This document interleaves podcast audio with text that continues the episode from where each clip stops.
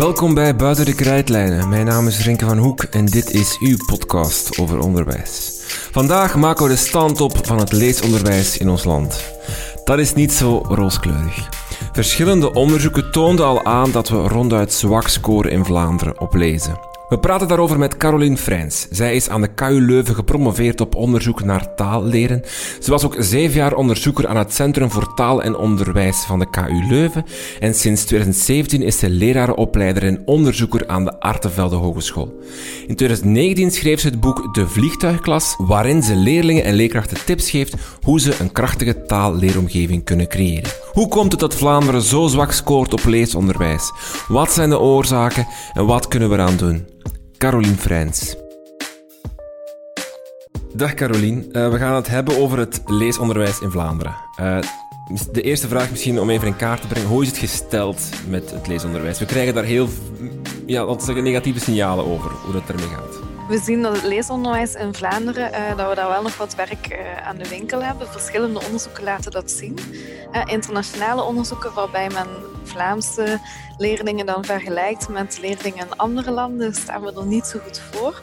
Maar ook onderzoeken van eigen bodem laten zien dat we daar echt nog wel wat werk aan de winkel hebben. En dat het zeker ook wel echt gaat over bijvoorbeeld verbanden kunnen zien in en tussen teksten. Um, zo die complexere vaardigheden van begrijpen lezen, daar, daar kunnen we zeker nog wel uh, sterker werk van maken. Mm. Een van die ja, toonaangevende onderzoeken is die PIRLS-onderzoeken. In 2016 zijn die afgenomen. In 2006, als ik juist ben, was de eerste keer. En, en die in 2016 was, was de resultaten waren er wel zeer bedroevend. Hè. We kwamen eruit met, met een hele zwakke score. Um, een ongelooflijke daling in begrijpend lezen, van 22 punten verlies, de grootste daling van alle, uh, uh, zeggen, vergelijkbare landen. Uh, 31% van de Vlaamse leerlingen heeft een negatieve houding tegenover lezen. Um, echt wel, ja, een beetje verontrustwekkende cijfers. Mm.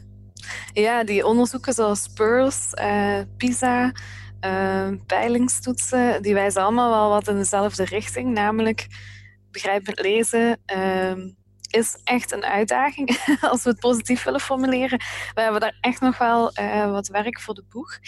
Uh, en ik denk dat het van belang is dat we samen met scholen gaan kijken, onderzoekers en scholen, samen gaan kijken van oké, hoe kunnen we dat begrijpend leesonderwijs sterk maken voor alle kinderen, maar zeker ook voor kwetsbare kinderen. Ik denk ook aan uh, jongeren die meer kans maken op, op laaggeletterde uitstroom. Hè. Dus dat wil zeggen dat ze vertrekken van, van de secundaire school bijvoorbeeld, maar eigenlijk niet in staat zijn om uh, teksten te lezen die ze moeten kunnen lezen om hun weg te vinden in de maatschappij. Dat gaat wel over basisgeletterdheid die erg belangrijk is. Um, dus daar ligt een grote taak, denk ik, voor onderzoekers, voor lerarenopleiders, voor basisscholen, pedagogische begeleiders, alle spelers eigenlijk, om te gaan kijken van hoe kunnen we echt uh, dat onderwijs verbeteren, leesonderwijs. Die, die resultaten van die onderzoeken die komen al een aantal jaar, komt dat zelf, uh, stel, altijd maar naar boven, hè, dat we slecht doen op leesvaardigheid, op begrijpend lezen. Is dat een verrassing? Uh, verschieten we daarvan? Of was dit wel, stond het wel in de sterren geschreven? Voelden we dat ook aan op de werkvloer, dat de leesvaardigheid daalt? Goh, ik denk als je verwijst naar verzuchtingen uh, in het algemeen, van oh, onze leerlingen kunnen niet meer zo goed lezen of minder goed dan voorheen. Dat zijn wel verzuchtingen die we altijd horen in de taalkunde. Dus ook uh, in 1901 was het denk ik, dat als je dan teksten leest van taalkundigen, zullen ze ook zeggen van goh, die taalvaardigheid van onze leerlingen, we moeten daar dringend iets aan doen. Dus dat zijn wel verzuchtingen die die we horen terugkomen en die vrij normaal zijn ook. Um, en dat gaat dan vaak over beheersing van de standaardtaal, die ook wel verandert gedurende de tijd. En jongeren die dan niet echt die norm uh, ja, hanteren die de leraar voor ogen heeft. Op zich zijn dat normale zaken. Maar de resultaten van, van de onderzoeken, ja, die liggen er natuurlijk wel niet om. En ik denk dat we vooral moeten kijken van hoe kunnen we ervoor zorgen dat alle leerlingen in het reguliere onderwijs die vaardigheden hebben die ze nodig hebben om in de maatschappij te kunnen functioneren, die ze nodig hebben om dat contract te lezen van een bijbaantje of zich in te schrijven aan een, aan een nieuwe opleiding of instructies te begrijpen op de werkvloer, dat dat echt van belang is. De, de resultaten tonen ook aan dat eigenlijk alle leerlingen achteruit gaan. Uh, of ze nu een, een hoge sociaal-economische situatie hebben of een lage, of dat er nu um, uh, jongens of meisjes, het maakt eigenlijk niet uit. Alle groepen leerlingen gaan eigenlijk achteruit. Toont dat aan dat dat uh, een probleem is in de structuur of in, in, in hoe dat ons onderwijs in elkaar zit, zal ik maar zeggen. En niet per se tussen een soort van um, verschil in, ja, inderdaad, in die sociaal-economische situatie of in, in, hoe dat je thuis wordt opgevoed of zo, dat echt wel een schoolprobleem is? Ja, we zien inderdaad dat iedereen achteruit gaat en dat kinderen die um, opgroeien in, in uh, armoedesituaties bijvoorbeeld, of thuis een andere taal spreken, dat die extra kans maken op achteruitgang. Um, maar dus die algemene achteruitgang voor alle kinderen. De vraag is natuurlijk, ja, hoe komt het dan? Ik denk dat er verschillende factoren zijn. Hè. We kunnen niet echt zeggen, het is sowieso daardoor. Want dan zal het natuurlijk snel opgelost zijn. Uh, we zien aan de ene kant in onderzoek dat uh, de tijd die in het onderwijs gaat naar begrijpend lezen, dat die ook is afgenomen. Dus dat zou alvast uh, een deel van een verklaring kunnen zijn dat er minder tijd wordt besteed aan begrijpend lezen op zich. Um, we zien ook in onderzoek dat, uh, dat er kansen zijn om over de vakken heen of over de leergebieden heen te werken aan begrijpend lezen. Bijvoorbeeld als kinderen bij een les wereldoriëntatie een proefje gaan doen. Dan kan je daarin kansen zien om bijvoorbeeld uh, dat proefje te doen op basis van een uitdagende tekst en daar bijvoorbeeld ook een relevante leesstrategie aan te koppelen, dat we daar zeker ook nog wel wat kansen laten liggen dat geïntegreerd werken. De, we hebben inderdaad dus een, een, stevige daling. Het duurt blijkbaar twee jaar extra voor een, Vlaams, voor een Vlaamse leerling om een, op het niveau van een, van een toppresterend land te halen. We hebben twee jaar langer nodig. Um, de oorzaken, um, daar werden tal van suggesties gedaan in de, in de rapporten of in de resultaten. Ik wil ze even u voorleggen. Een van de eerste, die misschien ook wel, wel leeft bij, bij, bij mensen, is... Dat komt, die zwakke resultaten, zijn toe te schrijven aan het feit dat we een groter aantal niet-Nederlandstalige leerlingen in ons onderwijs hebben. De migratie, de multiculturele, multiculturele samenleving, meer dan ooit in ons land of in onze regio.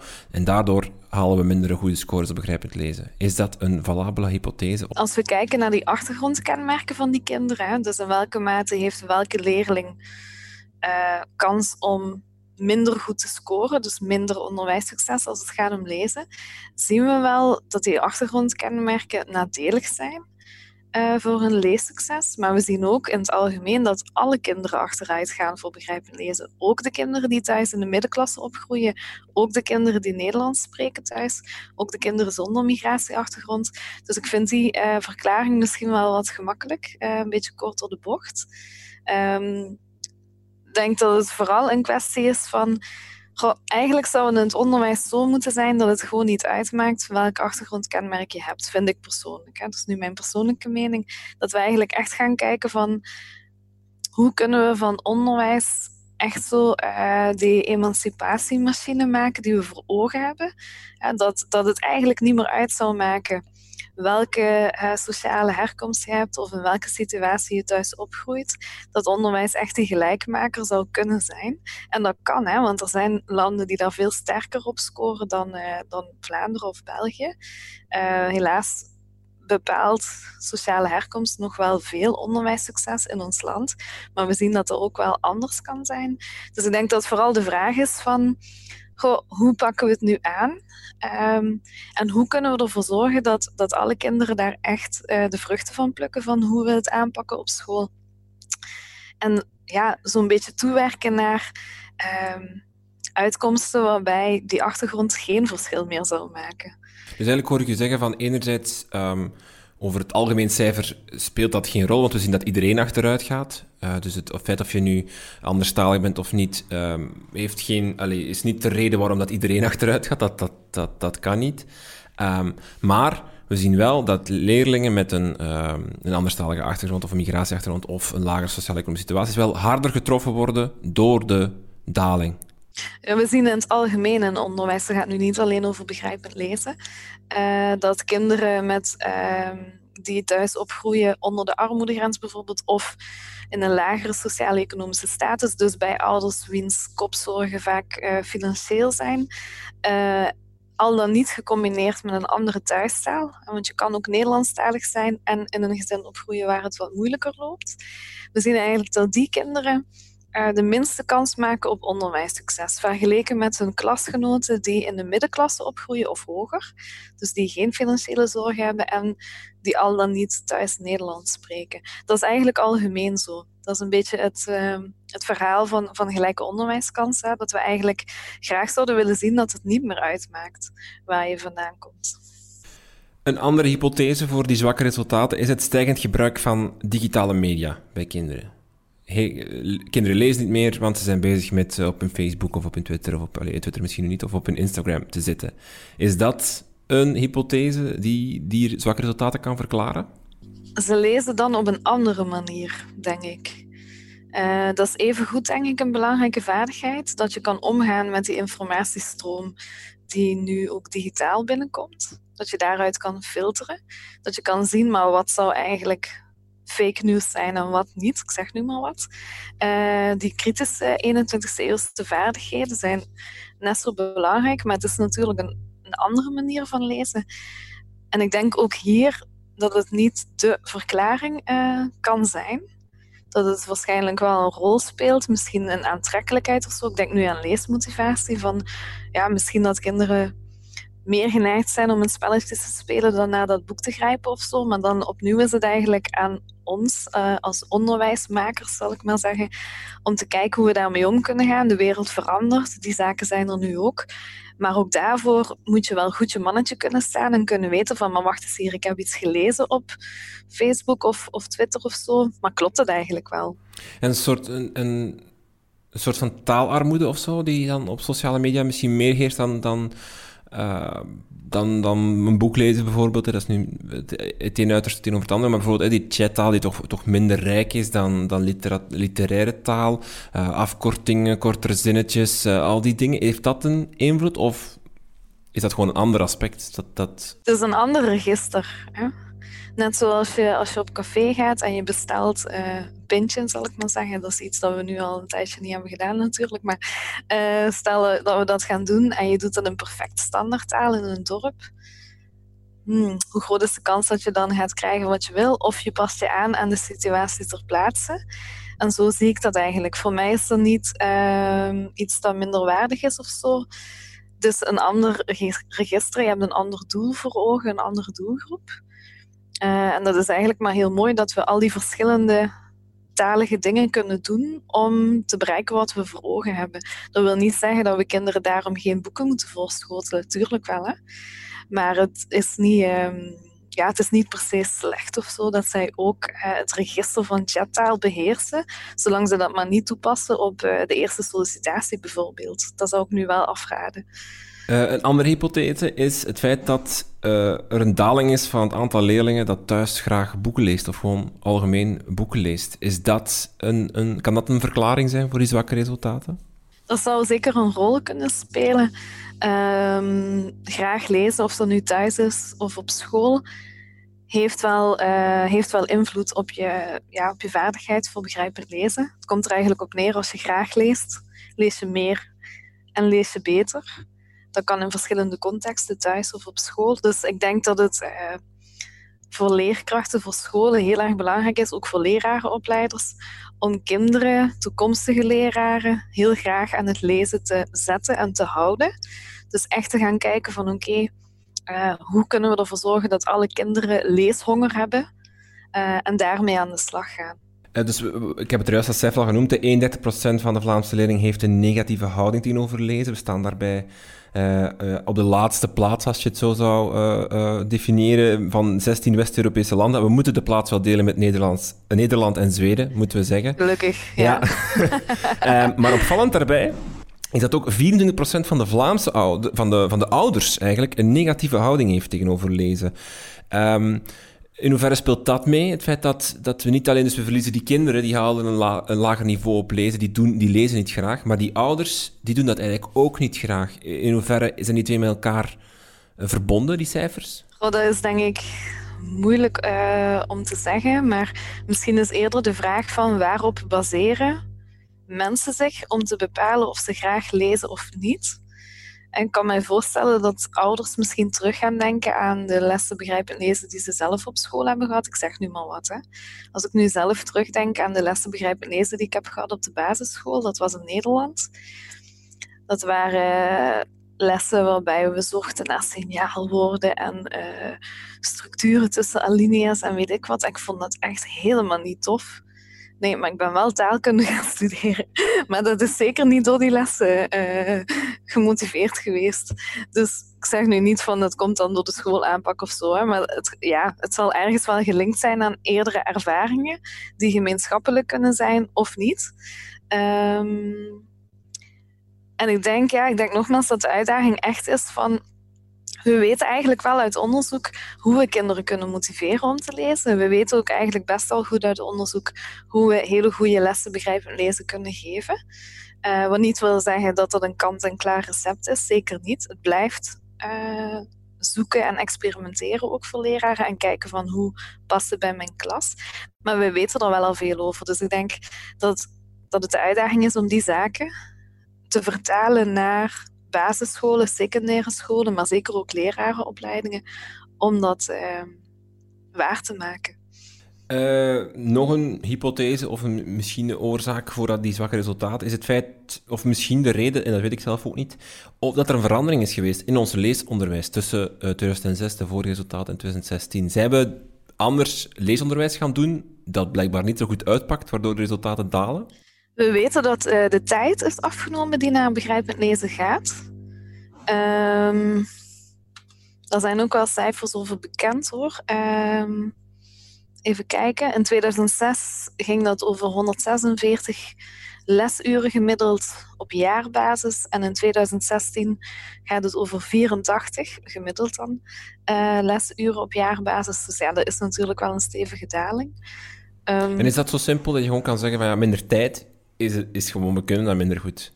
Nee, ik denk dat het evengoed ook de vraag is, wat doe je in die tijd? Hoe pak je het aan?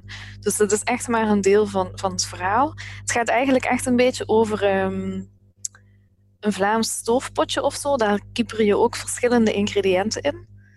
Uh, en dus moeten we gaan kijken van welke ingrediënten spelen hier een rol. Als je enkel aardappelen in het stoofpotje gooit bijvoorbeeld, ja, dan, dan is het geen stoofpotje meer. En dat is een beetje hetzelfde verhaal nu van tijd zal een rol spelen. Um, aanpak op de klasvloer zal een rol spelen. Leesmotivatie bij kinderen zelf zal een rol spelen.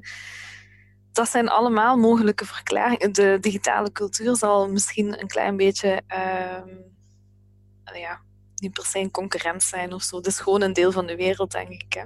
Maar um, ja, dat zijn allemaal verschillende zaken die daarop een invloed hebben.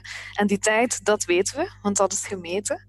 Uh, de aanpak, ja, waar is die tijd naartoe, inderdaad? Misschien een, een, een vraag. De, de, de Pearls-testen die werden gedaan bij, als ik me niet vergis, 15-jarigen uh, eh, afgenomen. Um, in hoeverre is dit een probleem dat zich vooral in het basisonderwijs situeert? Loopt daar iets fout met ons leesonderwijs? Of is het een probleem van zowel secundair als basisonderwijs? Of, is het vooral een thuisprobleem? Namelijk, thuis is er te weinig aandacht voor lezen. Ik denk dat het reguliere onderwijs, dus basis en secundair samen, uh, samen voor de grote opdrachten staat, staat om uiteindelijk alle jongeren geletterd te laten uitstromen.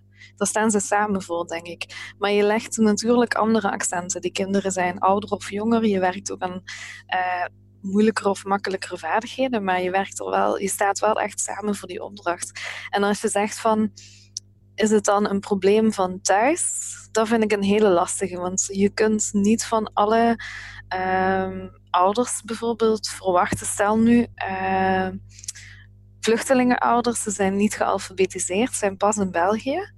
En je verwacht van hen dat ze hun kinderen gaan helpen bij het onderwijs. Ja, dat gaat wel moeilijk zijn natuurlijk. Ik denk dat we daar echt moeten kijken. En we weten dat ook uit onderzoek, dat ouderbetrokkenheid heeft wel impact, maar het gaat vooral over de vorm van ouderbetrokkenheid in de vorm van emotionele, sociale steun. Bijvoorbeeld, hoe was het op school vandaag? Wat heb je vandaag gedaan? Zo'n vraag, interesse tonen. Dat dat sterker is, dat dat meer doorweegt als het gaat om de leerlingresultaten dan uh, helpen, bij het on, uh, helpen bij het huiswerk bijvoorbeeld. Dus uren helpen bij het leeswerk zal minder grote effecten hebben dan de vraag: zeg hoe was het en ga maar eens aan de slag, goed zo, goed bezig. Dat is denk ik veel belangrijker. En daarnaast hebben we natuurlijk ooit het systeem onderwijs of het instituut school bedacht.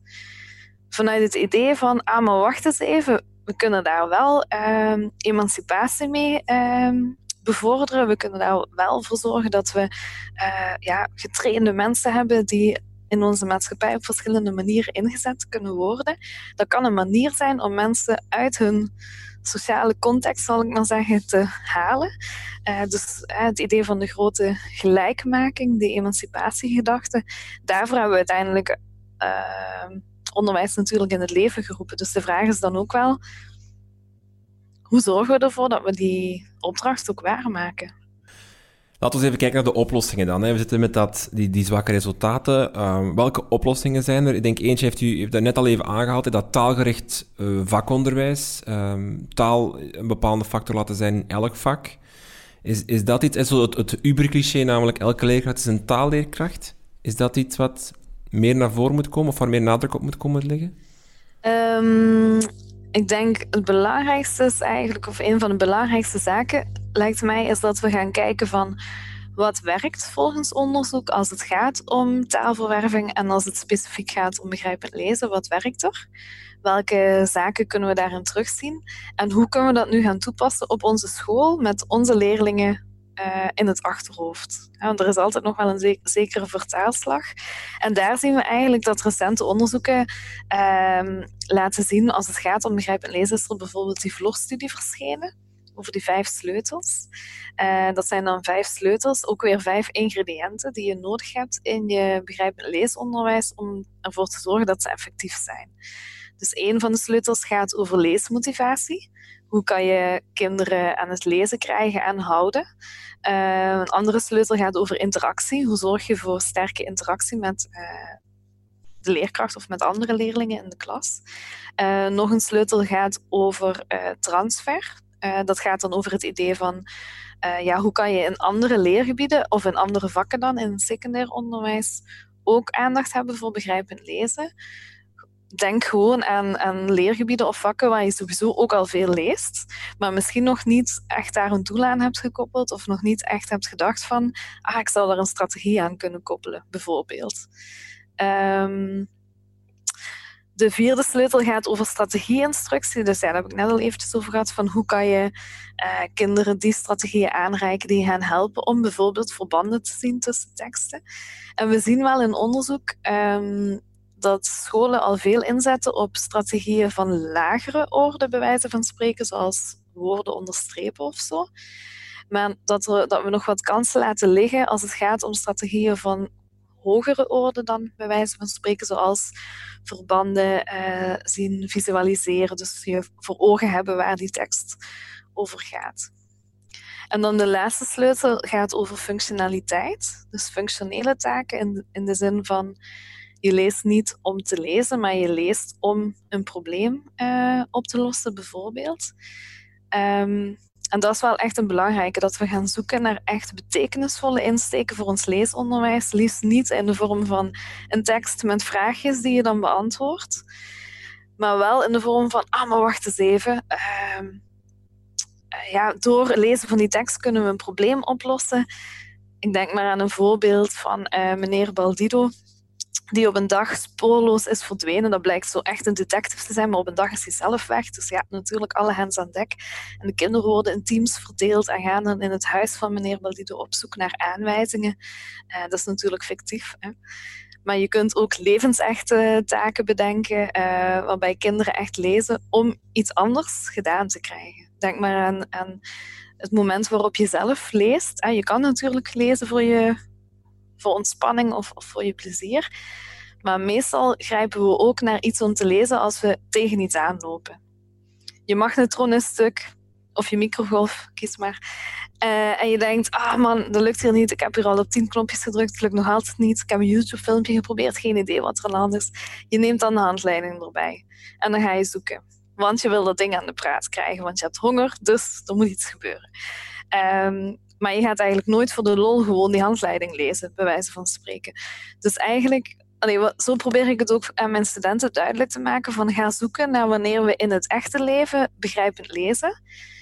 Welke aanleidingen daar allemaal motiverend zijn. Dus hoe wij zeg maar in het wild begrijpend lezen. En probeer zulke zaken in je klas te krijgen. Um, aanleidingen waarom vragen zijn veel motiverender om te gaan lezen dan gewoonweg een tekst met vraagjes van hoe kan je die magnetron uit of aanzetten zonder dat er een aanleiding voor is. Is het dan want u, u, vertelde net al een beetje over hoe dat u uh, uw leesonderwijs in het basisonderwijs uh, herinnerde met het aanduiden van signaalwoorden, het zoeken van de tekststructuur. En we hadden over laatst, ik weet niet of u het gezien heeft, het filmpje van Arjen Lubach, waarin hij lachte met het begrijpend lezen onderwijs in Nederland dan. Maar is dat misschien een van de problemen, het feit dat we het, en daar kunnen we die functionaliteit wel een beetje aankloppen, dat we in plaats van te zeggen van we gaan een tekst lezen met een doel om iets te bereiken of om iets bij te leren of om, om iets op te lossen, dat we zeggen we gaan begrijpelijk lezen, hier is een tekst jongens, duid de kernwoorden aan en het, het, het is... We, oefenen wel dat begrijpelijk lezen, maar het is een beetje doelloos op zich en het wordt heel, heel uh, technisch, heel theoretisch.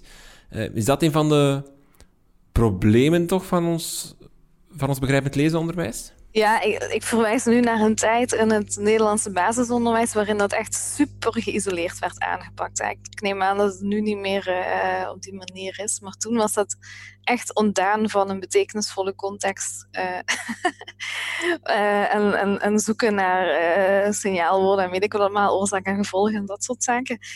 Um, maar inderdaad, zonder enige betekenisvolle uh, aanleiding waarom we dat dan zouden moeten doen of wat ons dat vooruit zou helpen. Uh, ik vermoed dat er ondertussen al wel wat geëvolueerd is. Maar ik denk wel dat het echt belangrijk is om in ons onderwijs ook echt te gaan zoeken naar betekenisvolle insteken. Um, en dat dat kan vanuit kinderen zelf komen. Iets waarvan je merkt, oh, die zijn super geïnteresseerd uh, in een bepaald onderwerp, kom, we gaan daar een tekst bij zoeken. Dat kan ook iets zijn, uh, je neemt iets uit de handleiding, maar je geeft daar een draai aan, waardoor het beter past bij de interesses van je klas. Dus er zijn vele opties.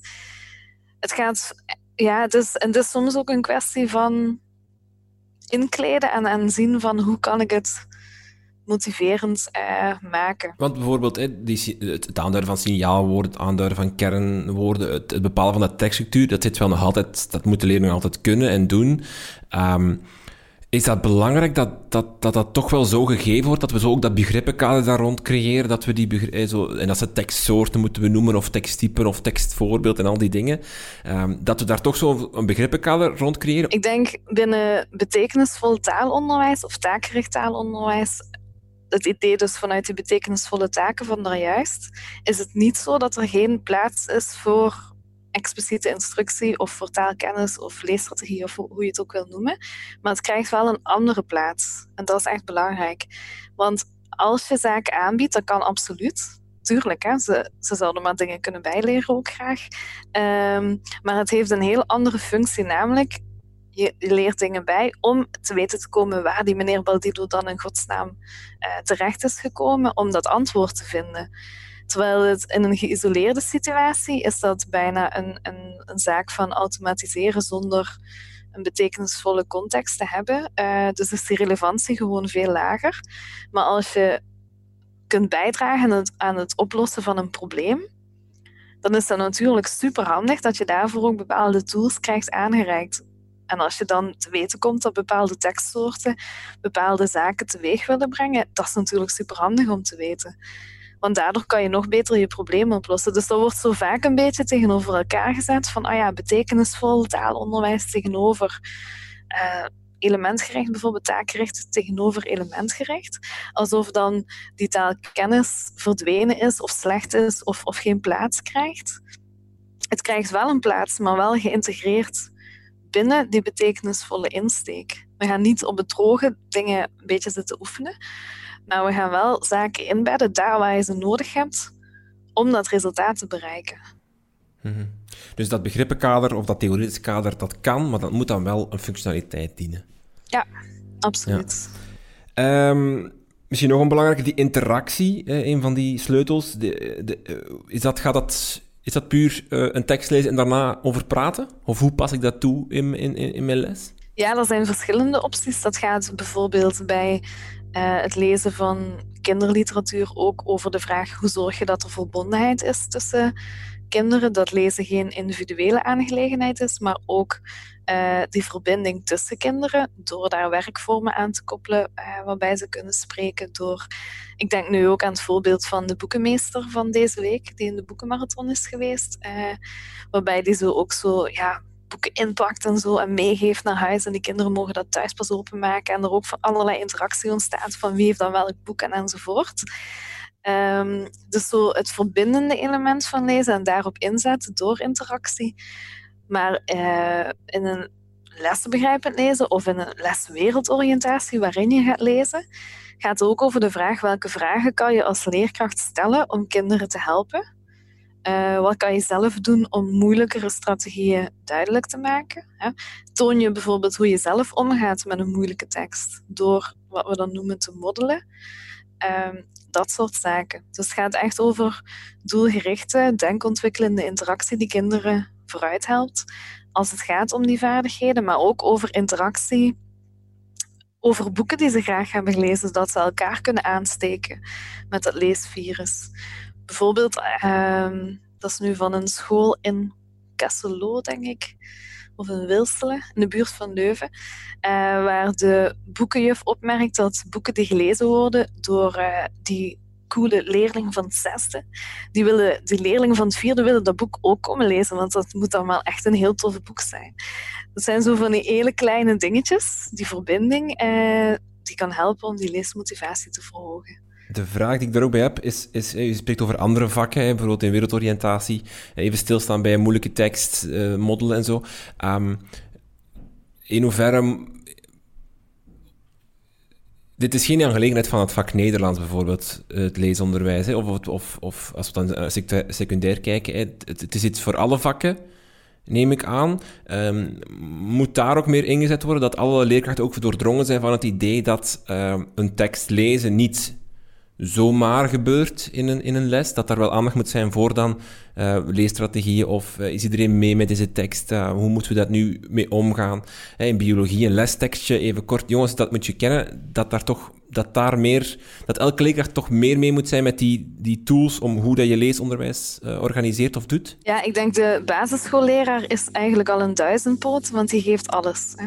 Dus van die leraren verwacht ik denk ik wel meer uh, dat ze bepaalde principes van sterk taalonderwijs, dat ze het idee van die krachtige taalleeromgeving ook weten toe te passen in, in lessen van andere leergebieden of nog sterker. Uh, we gaan zaken aanpakken uh, geïntegreerd. Hè? Dus we gaan de schotten tussen de leergebieden af en toe eens een keer doortrappen en kijken van zeg, hoe kunnen we nu een aantal zaken met elkaar verbinden.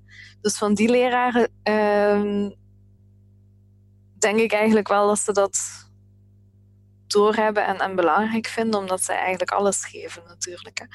Van leraar in secundair onderwijs kan dat misschien wel verschillend zijn. We hebben dat ook ooit onderzocht eh, in opdracht van de Taalunie. Uh, dat is alweer een aantal jaar geleden, denk 2013 of zo. Zijn we gaan kijken van, onder andere zijn we dan gaan kijken van hoe kijken leraren die een vak geven, een vak dat iets anders is dan taal, bijvoorbeeld eh, elektromechanica of zo. Uh, hoe kijken zij dan zelf binnen hun vak naar taal? En daar zagen we dat, dat leraren vaak denken van, ah, taal, ja, maar ja, dat is voor mijn collega taal en zo. Daar weet ik eigenlijk niks van. Ja, wij praten wel heel veel in de les en zo, maar ja, is dat dan taal? Dat zij zo vaak wel denken aan de, de klassiekers van spelling of zo. Hè? En dat ze denken van, ja, zeg, dat is nu wel niet mijn vakgebied. Dus dat het daar ook een beetje gaat over het idee van dat ze waarschijnlijk al superveel doen zonder dat ze het doorhebben. Uh, sterke interactiekansen in de klas, dat gaat ook over taal natuurlijk.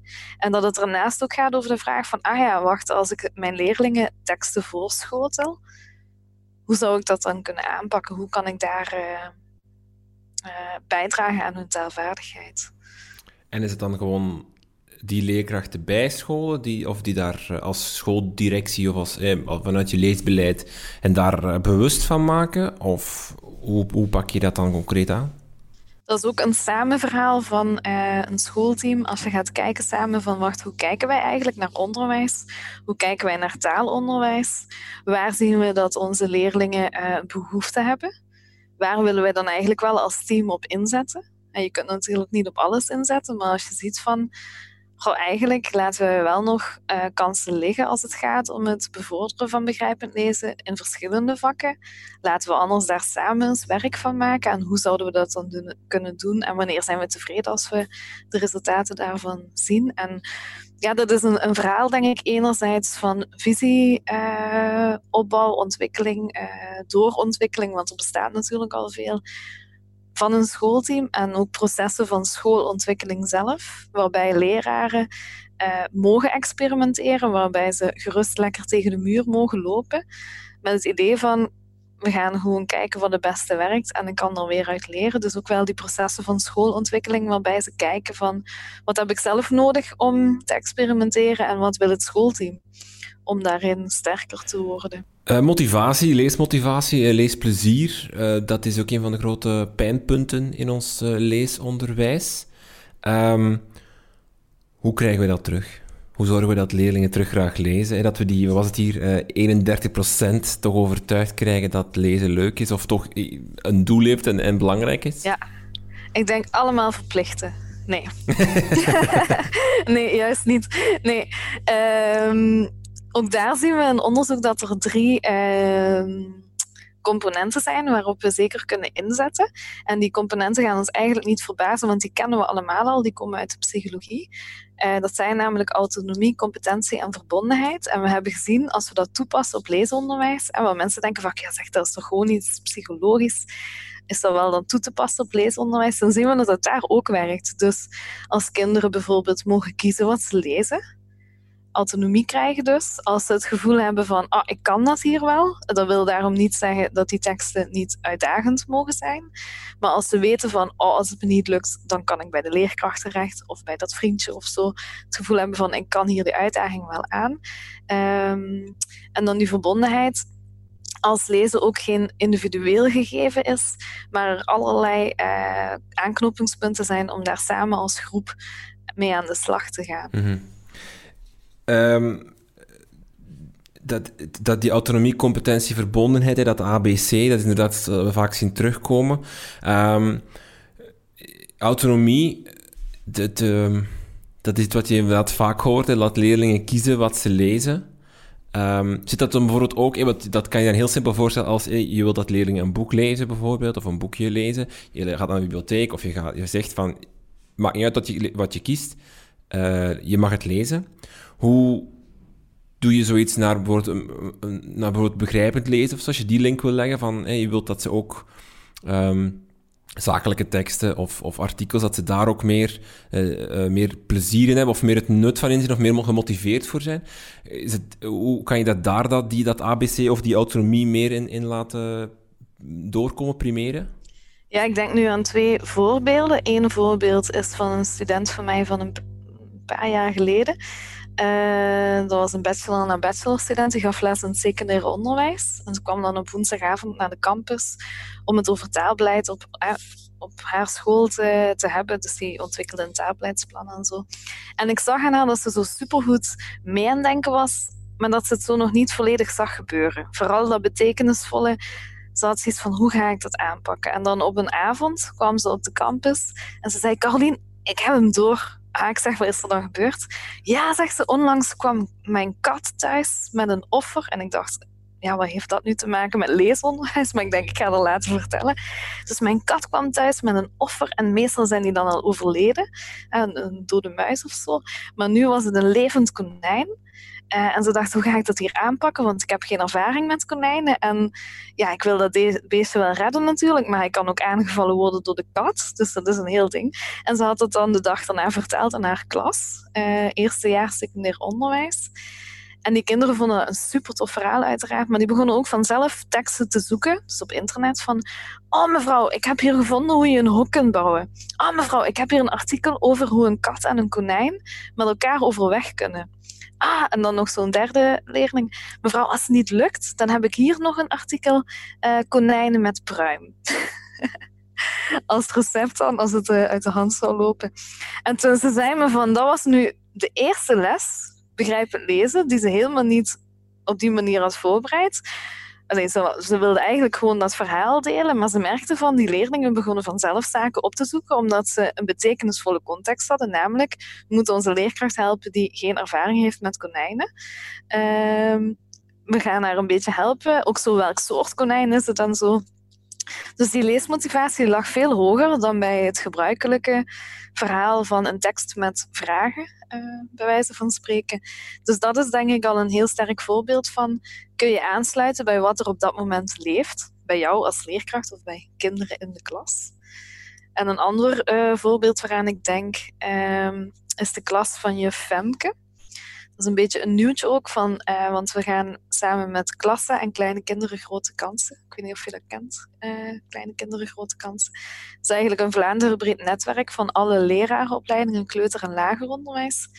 Verschijnt er binnenkort een reportage, de klas van je Femke dus, over sterk taalonderwijs in het basisonderwijs. Um, en wat zij heel goed doet, zij voert ook um, heel fijne kring, kringgesprekken met de kinderen waar van alles aan bod kan komen. En zo komt ze ook te weten wat ze boeiend vinden en probeert ze daar ook weer taken aan te koppelen. Dus bijvoorbeeld om een ochtend komt ze te weten van die kinderen zijn super geïnteresseerd in het beroep van een FBI-agent. Ik weet niet hoe ze daarop komen, maar ze willen dan te weten komen, wat doet hij eigenlijk? Wat moet je daarvoor kunnen? Wat is belangrijk? Is dat het anders in andere landen dan in België bijvoorbeeld? En zulke zaken bieden jou als leerkracht natuurlijk informatie om dan te gaan denken, maar wacht eens even, ik ga de volgende leesles uh, gaan we eens uitzoeken hoe dat dan juist zit. Uh, een ander issue dan misschien, uh, een eeuwige strijd, technisch lezen versus lezen voor het plezier of, of leesplezier. Um, onderzoek toont aan, als ik maar verbeter me als ik fout ben, dat technisch lezen, als je goed technisch kan lezen, ga je ook met meer plezier lezen. Is er een tekort aan technisch lezen in ons onderwijs? Aan het leren technisch lezen? Uh, technisch lezen is eigenlijk een beetje de code kraken in de zin van letters kunnen decoderen, woorden kunnen decoderen. Zo het moment waarop je als kind doorhebt dat je straatnamen kunt lezen of zo, dan heb je dus de code gekraakt. Je hebt ineens toegang gekregen tot de wereld van de volwassenen, zo een beetje magisch. Um, dus je weet hoe je zaken aan elkaar kunt kunt koppelen en zo. En begrijpend lezen, ja, de naam zegt het al, het is ook niet echt de meest sexy term natuurlijk.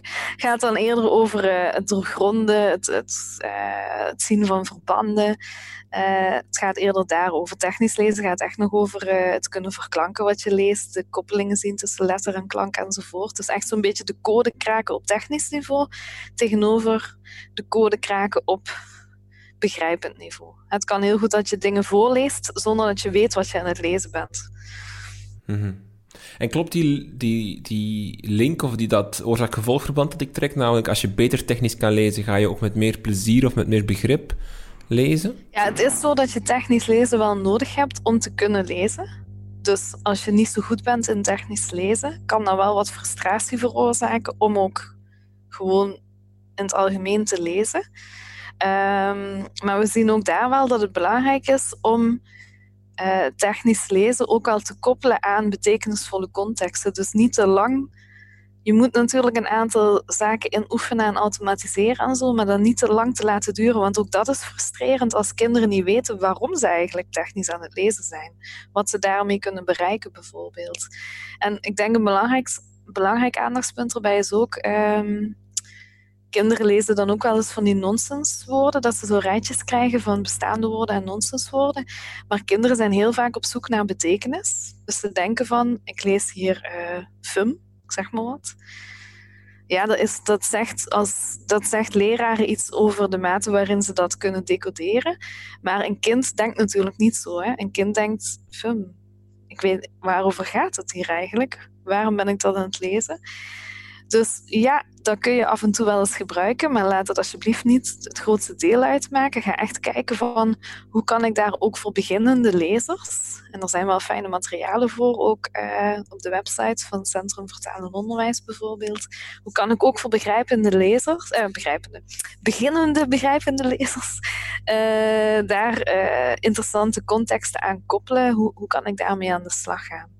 Um, hoe oefen je op technisch lezen? Op een, hoge, op een latere leeftijd, bijvoorbeeld eh, eerste, tweede, derde, vierde middelbaar. Je hebt daar iemand die niet goed leest, eh, die traag leest of die nog, nog veel fouten leest, zal ik maar zeggen. Um, hoe, hoe pak je dat dan aan? Eh, dus je, je wilt dan een tekst lezen met je klas of zoiets.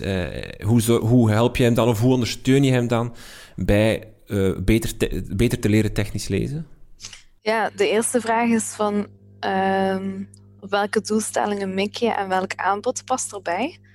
Dus kan je een tekst vinden die aan de ene kant past bij interesses van die jongeren, maar kan je ook uh, een tekst vinden die niet super moeilijk is, maar ook niet te gemakkelijk. Is een moeilijke evenwichtsoefening. Uh, vaak zeggen we dan zo'n beetje niveau I plus 1, dus zo klein beetje hoger mikken, zodat er voldoende uitdaging in zit. Uh, maar ook niet te hoog, zodat de jongere afhaakt. En zeker niet te laag, want dan zijn er natuurlijk weinig uh, leerkansen. En dan kan je over allerlei zaken gaan nadenken van hoe zorg ik voor ondersteuning. Ah, ik kan zelf als leerkracht ondersteunen natuurlijk, maar ik kan die ook bij een leerling zetten die al sterker is. Of een leerling met een gemeenschappelijke moedertaal bijvoorbeeld, stel dat het een anderstalige leerling is. Dus daar zien we eigenlijk een variatie aan mogelijkheden die je kunt inzetten. Um, en mijn advies zou zijn om daarin ook te zoeken wat het beste werkt uh, voor dat kind. En zeker niet enkel op niveaudifferentiatie of zo in te zetten, maar ook zeker te kijken naar heterogene groepjes. Uh, omdat we zien dat die kinderen van elkaar leren, wat in het voordeel is van alle kinderen, maar zeker ook van kwetsbare kinderen of jongeren. Dus we proberen een beetje los te komen van homogene groepen en uh, de mini-leerkrachten in een klas die je altijd hebt, in te zetten in heterogene groepen. -hmm. Oké. Okay. Um, ik onthoud leesmotivatie, interactie, transfer, strategie en functionaliteit, dat dat zowat de vijf sleutels zijn om goed leesonderwijs uh, vorm te geven. Een soort van vijf pijlers om altijd rekening mee te houden, even af te toetsen. Zit dat erin? Uh, sluit ik aan bij een van die vijf um, uh, sleutels eigenlijk? Die sleutels zijn belangrijk. Ja, die heb ik niet zelf bedacht trouwens, maar onderzoekers aan de KU Leuven en de UGent. Uh, en die sleutels die bed je het best ook in in een krachtige taalleeromgeving. Die staan niet los van uh, hoe zo'n krachtige taalleeromgeving eruit ziet. Wat je dus sowieso nodig hebt om een krachtige taalles voor elkaar te krijgen. Dus die sleutels die zeggen voor mij iets over begrijpend lezen in een krachtige taalleeromgeving. Hoe je ervoor kunt zorgen dat alle kinderen sprongen maken en vooruitvliegen. Een krachtige taalleeromgeving. In hoeverre, wat moet ik me daarbij voorstellen? Is dat uh, uh, fysiek? Is dat, gaat dat over een, een, een, een, een, klas met, met waar, waar, waar lezen van afdruipt, zal ik maar zeggen? Of gaat dat... Uh, ja, hoe moet ik dat, hoe moet ik dat zien? Ja, het, um, het model van de krachtige taalleeromgeving uh, sluit eigenlijk aan bij wat ik eerder zei over die betekenisvolle taken. Dat is één aspect ervan. Dus we gaan niet zomaar leesopdrachten of taalopdrachten geven, maar vooral die betekenisvolle taaltaken, omdat we weten dat die motivatie echt een goede motor is uh, om vooruit te gaan. Dus dat. Het tweede ingrediënt, dat we nodig hebben, uh, is dat kinderen tijdens het uitvoeren van die betekenisvolle taken uh, nood hebben aan interactie. Interactie omdat er uh, bijvoorbeeld in de vorm van uh, sterke gesprekken met de leerkracht, veel denkontwikkelende vragen, uh, maar ook interactie met medeleerlingen. denk maar aan meneer Baldido, ze gaan in teams zoeken in dat huis. Ze moeten alles samenleggen, dus alleen door samen te leggen kunnen ze de, de conclusie vinden of het resultaat vinden. Dus het tweede ingrediënt is dus die kwaliteitsvolle, denkontwikkelende interactie. En het derde uh, en laatste ingrediënt van uh, het model van de krachtige taalleeromgeving gaat over de emotionele veiligheid van het klasklimaat. Dat is natuurlijk niet alleen voor taal zo, dat is voor alles zo. Maar we zien wel in recent onderzoek um, dat taalleren een sociaal fundament heeft. Dus we hebben lang gedacht van, oh ja, taalverwerving, dat zit gewoon een beetje in je brein of zo, bij wijze van spreken. Tuurlijk, ja, dat gebeurt zeker in je brein, maar we zien dus dat sociale factoren in de context om je heen, dat die daar een impact op hebben. En dan verwijs ik onder andere naar die warme relaties van in het begin. Als je voelt van, het is hier veilig, de klas die ziet mij ik breng iets in en de leerkracht die doet daar iets mee, ehm, dan zien we dat dat ook samenhangt met een sterkere taalverwerving. Oké. Okay. Uh, Caroline Freins, heel veel dank voor dit gesprek. Heel graag gedaan.